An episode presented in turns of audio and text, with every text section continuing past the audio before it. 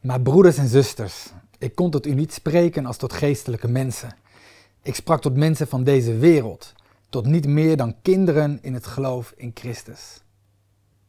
Afgelopen week ben ik 37 eh, jaar geworden. En uh, ik vind het niet leuk, maar ik word oud. Ik begin grijze haren te krijgen. Ik merk dat al mijn broeken beginnen te krimpen. En uh, de waarheid is niet alleen ik word oud, maar ook mijn kinderen beginnen oud te worden. Ik heb inmiddels drie tieners thuis. Het is een beetje een cliché, maar man, wat gaat het snel. Maar weet je wat pas erg zou zijn? Als mijn kinderen niet zouden groeien.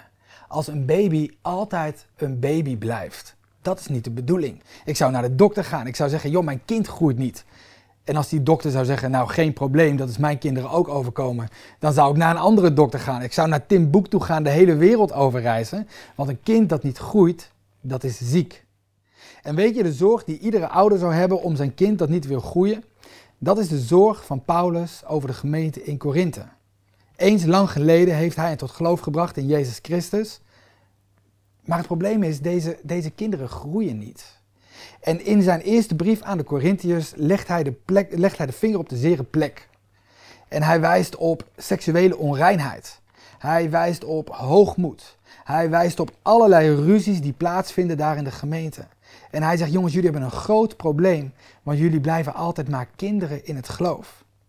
En weet je wat wij vaak als mensen doen wanneer mensen de vinger op de zere plek leggen? Dan gaan we wijzen naar gebieden in ons leven waar het wel goed gaat. En dat deden de Corinthiërs ook. Ze zeiden, maar Paulus, we spreken allemaal in tongen. En we kunnen profiteren en er is een grote kracht van God in ons midden. En Paulus zegt, dat zou allemaal best. Maar dat neemt dit probleem niet weg. Want Jezus wil vooral ook groter worden in jouw karakter. Weet je, die groei die wij nodig hebben, de geestelijke groei, is een groei die we zelf nooit kunnen organiseren. Zoals een kind zich niet kan oppeppen en daardoor groot wordt, zo kunnen wij dat als christenen eigenlijk ook niet. Wij moeten ontvangen het krachtvoer dat God ons wil geven. De Heilige Geest en het Woord van God. Lees thuis bijvoorbeeld eens Ezekiel 36, waar God belooft: Ik zal je mijn geest geven en zorgen dat jullie volgens mijn wetten kunnen leven. En Jezus zegt, daar mag je elke dag om vragen. Zoals een kind iedere dag vraagt om een stuk brood of een vis aan zijn vader, zo mag je iedere dag bij jouw vader komen en vragen, Heer, wilt u mij vullen met uw geest? Want zonder u kan ik niet groeien.